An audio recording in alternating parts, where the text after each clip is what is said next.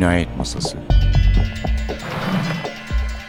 Hazırlayan ve sunan Sevin Okyay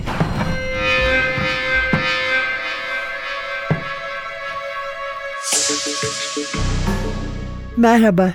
NTV Radyo'nun Cinayet Masası programına hoş geldiniz.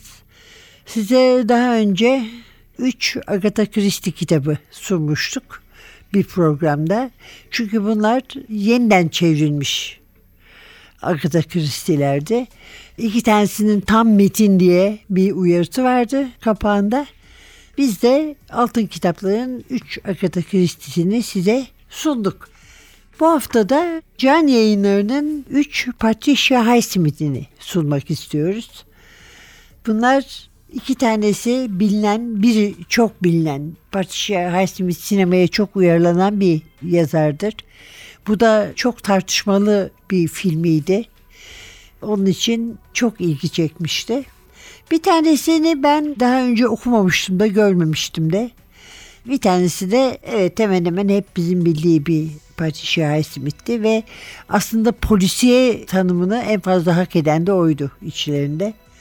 Neler bunlar? Kadın düşmanlığı üstünde küçük öyküler.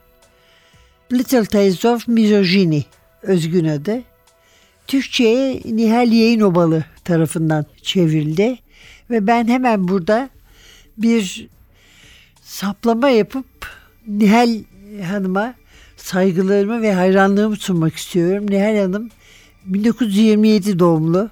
Hala çeviri yapıyor olması bize cesaret veriyor ve örnek oluyor bunu söyleyelim. Ayrıca Vincent Ewing adıyla yazdığı Genç Kızlar kitabının da onun olduğunu bilmeden uzun müddet hayranı olmuştum yaş müsaitken. Evet. Kadın düşmanlığı üstüne küçük öyküler.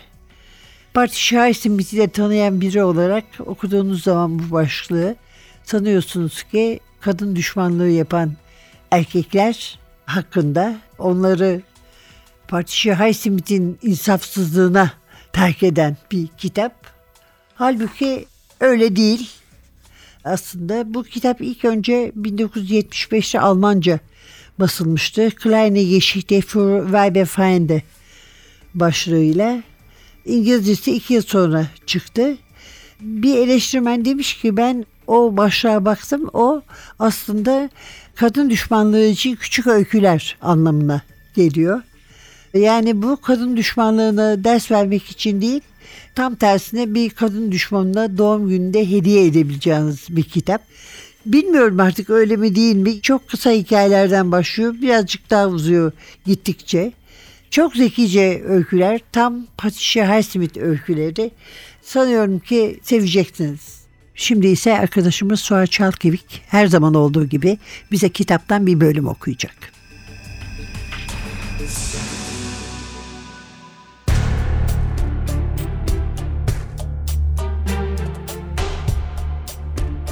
Abby, sen Carol'la nasıl tanıştın diye sordu. Carol anlatmadı mı sana? Sadece sen Frankenberg mağazasında çalışırken tanıştığınızı söyledi. Teres, Abby'ye karşı önleyemediği bir öfkeyle içerlediğini hissederek, işte öyle tanıştık, dedi. Abby gülümseyerek, demek öylesine konuşmaya başladınız, diye sorup bir sigara yaktı. Teres, onun istediği oyuncakları gösteriyordum, dedi ve sustu. Abby'nin o karşılaşmanın ayrıntılı bir tanımını beklediğini biliyordu. Ama bunu ne Abby'ye anlatacaktı ne de başka hiç kimseye. O tanışma sadece kendisine aitti. Carol, Noel kartı ile ilgili o saçma hikayeyi Abby'ye anlatmamıştır diye tahmin ediyordu. O mesele Carol için Abby'ye anlatacak kadar önemli olamazdı. Konuşmaya ilk hanginizin başladığını söyler misin bana?'' Teres birden güldü. Hala gülümseyerek uzandı, bir sigara alıp yaktı. Hayır, Carol bu kadına Noel kartından bahsetmemişti ve o yüzden Abby'nin sorusu da çok komikti. Ben başladım dedi. Abby, onu çok seviyorsun değil mi diye sordu. Teres bu soruda düşmanca bir art niyet olup olmadığını tarttı. Düşmanlık yoktu ama kıskançlık vardı. Evet. Neden seviyorsun? Neden mi seviyorum? Sen neden seviyorsun?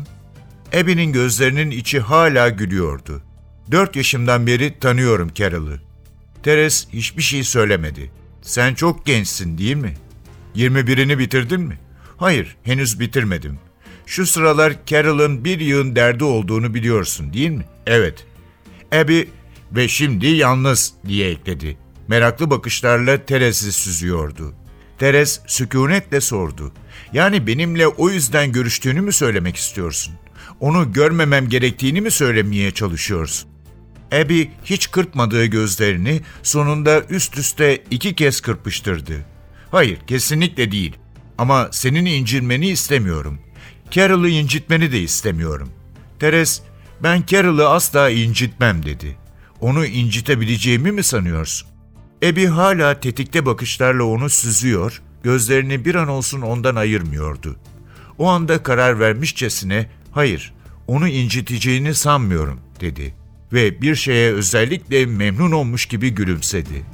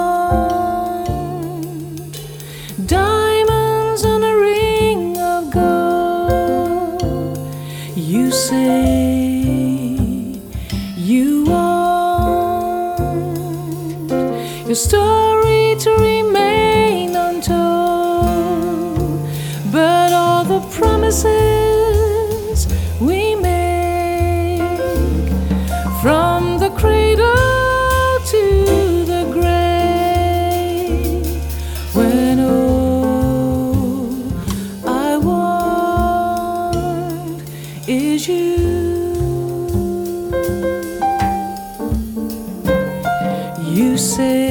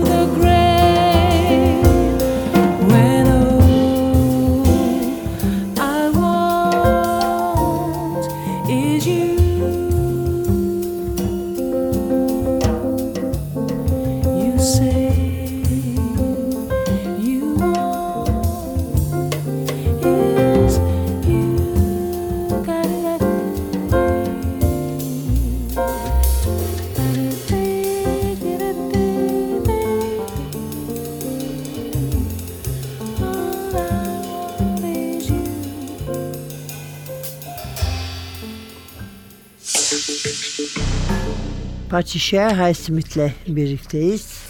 Üç kitabı var demiştik. Tartışmalı olan filmi ile tartışmalı olan Carol ya da Koyduğu Koruyucu isimle yazarın Tuzun Bedeli. Patricia Highsmith her ne kadar ilk kitabını 20 kere belki yeniden yazdıysa ve 2-3 yılda ancak tamamlayabildiyse ondan sonra Verüt yazarlığıyla tanınmış bir yazardır. Ama Carroll'da baya bir sıkıntı çekti. Bastırmakta da, istediği gibi yazmakta da. Sonra nihayet Tuzun Bedeli adıyla ve Müstehar isimle yazmak kararını aldı. Kitap da tabii epey bir tartışma uyandırmıştır. Çünkü 50 yıllarda Amerika'da yaşayan iki kadın bir tanesi evli bir tanesi evlenmemiş daha. Bu iki kadının birbirine olan aşklarını anlatıyor. Bu da tabii her ne kadar 50 yıllarda çok büyük bir tepkiyle karşılandıysa şimdi de tepkisiz kaldığı söylenemez. Ama filmi doğrusu bayağı ilgiyle karşılandı. Her şeyden önce iyi bir filmdi. Çok iyi oynanmış bir filmdi. Ama sanki herkes filmin başrollerinde oynayan Kate Blanchett ve Rooney Mara'nın Oscar almayacağını biliyordu. Hakikaten tahmin ettikleri gibi oldu. Kate Blanchett en iyi kadın oyuncuya, Rooney Mara en iyi yardımcı kadın oyuncuya aday gösterildi. İkisi de Oscar alamadılar. Bu da konunun hassasiyetinden de olsa gerektiği düşünüyoruz. Çünkü Carol 73. Altın Kilo listesinin de en çok dalda aday olan filmiydi. Buna rağmen daha çok ödülleri daha çok eleştirmen gruplarının seçmelerinde kaldı. Patricia Highsmith'in kitaplarının sinemaya çok uyarlandığını söyledik. Bunların ilki yani uyarlamaların ilki sinemanın en star takdir edilmiş isimlerinden biriydi. Alfred Hitchcock. Ve doğrusu onu da hemen hemen herkes izledi diyebiliriz. Alfred Hitchcock Strangers on a Train'i Farley Granger'la yani bu çok eski bir tarih demek oluyor. Uyarladıktan sonra René Clement izledi onu Plain Soleil. Sonra Wim Wenders The American Friend. Claude Chabrol, The Cry of the Owl, Anthony Minghella, The Talented Mr. Ripley ve The Talented Mr. Ripley'leri de devam etti biliyorsunuz. En başarılı kitaplardan biridir bu anlamda.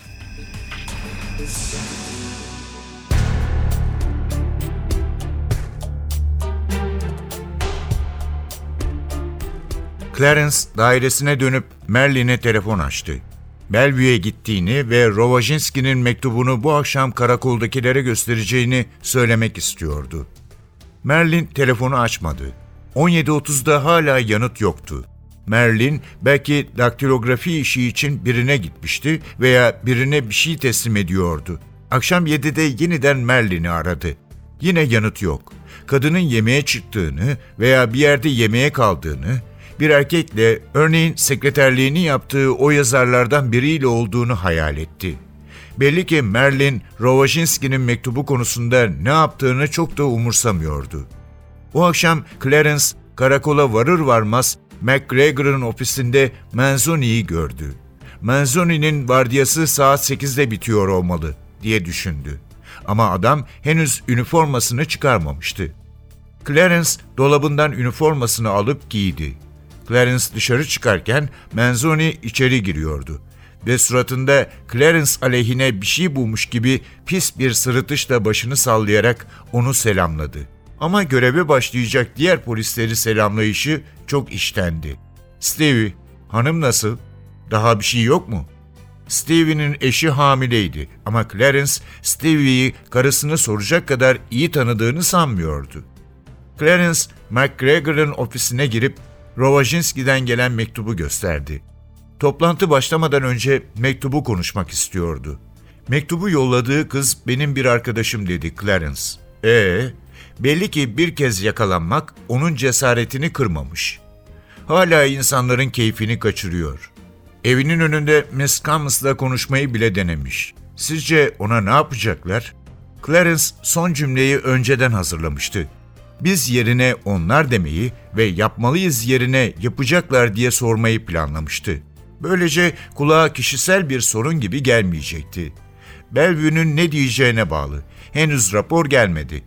Onu Morton sokağında bir odaya yerleştirmişler. Orada oturuyor. İyi ama bir tür duruşma olmayacak mı? Bellevue deli olduğunu söylerse hayır dedi McGregor.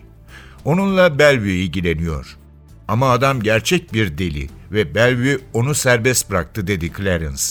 Bugün Bellevue'den bir doktorla konuştum. Anlaşılan Bellevue onunla ilgilenmeyi polise bırakacakmış.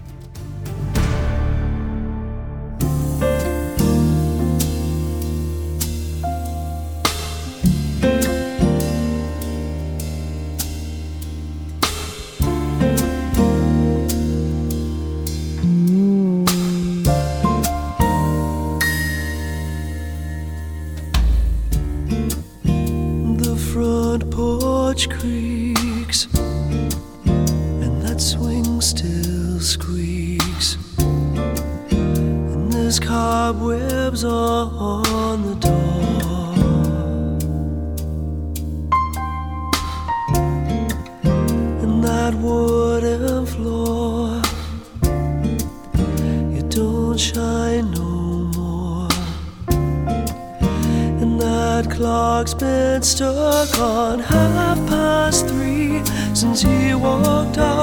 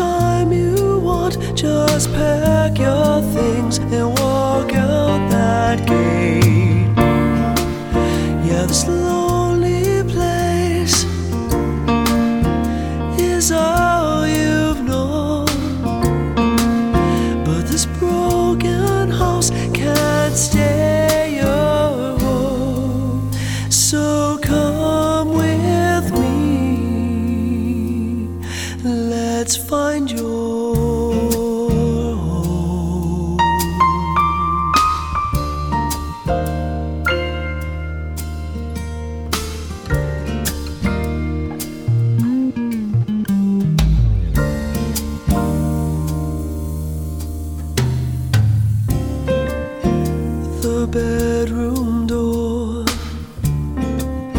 it don't lock no more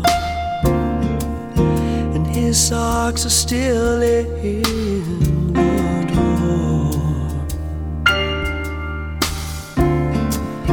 And his old gray chair has the same old tear. And the calendars mark December 23rd, the day he walked out on you and left the sprinkler on in the rain.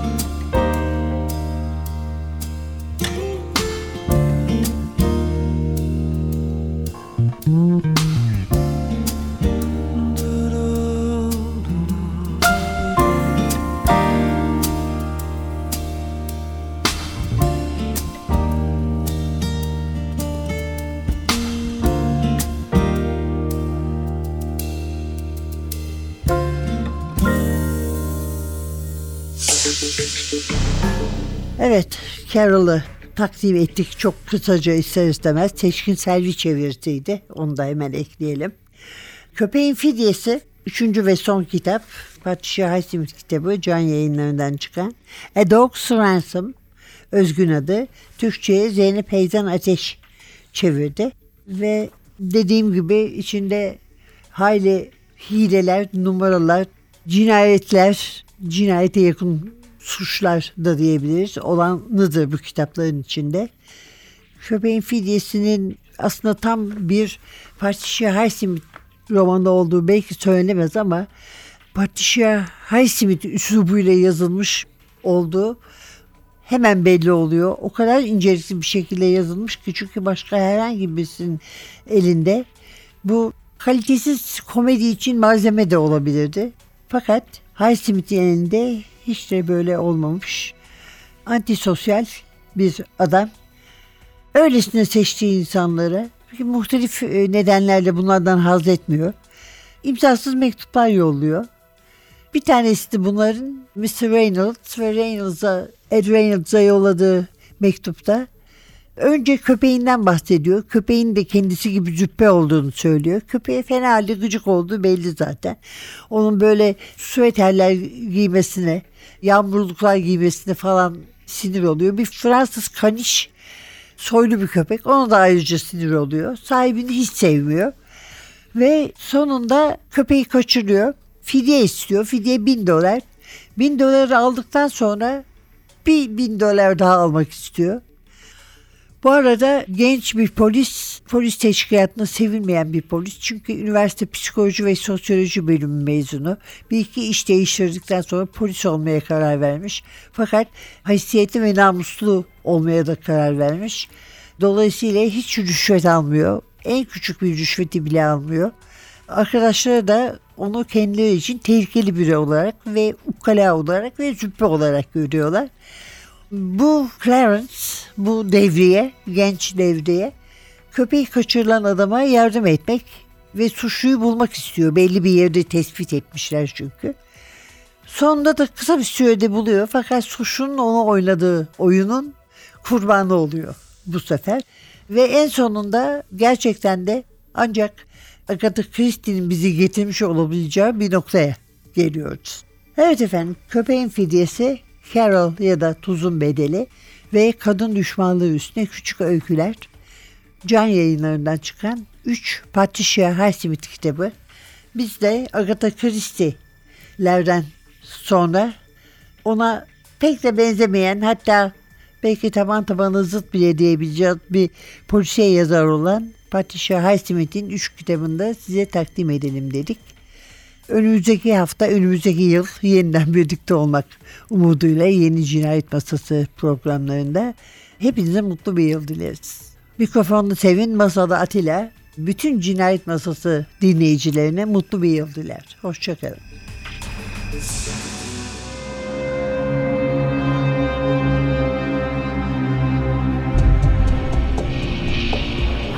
Cinayet Masası Hazırlayan ve sunan Sevin Okyay Cinayet Masası sona erdi. Programın tüm bölümlerini ntvradio.com.tr adresindeki podcast sayfamızdan dinleyebilirsiniz.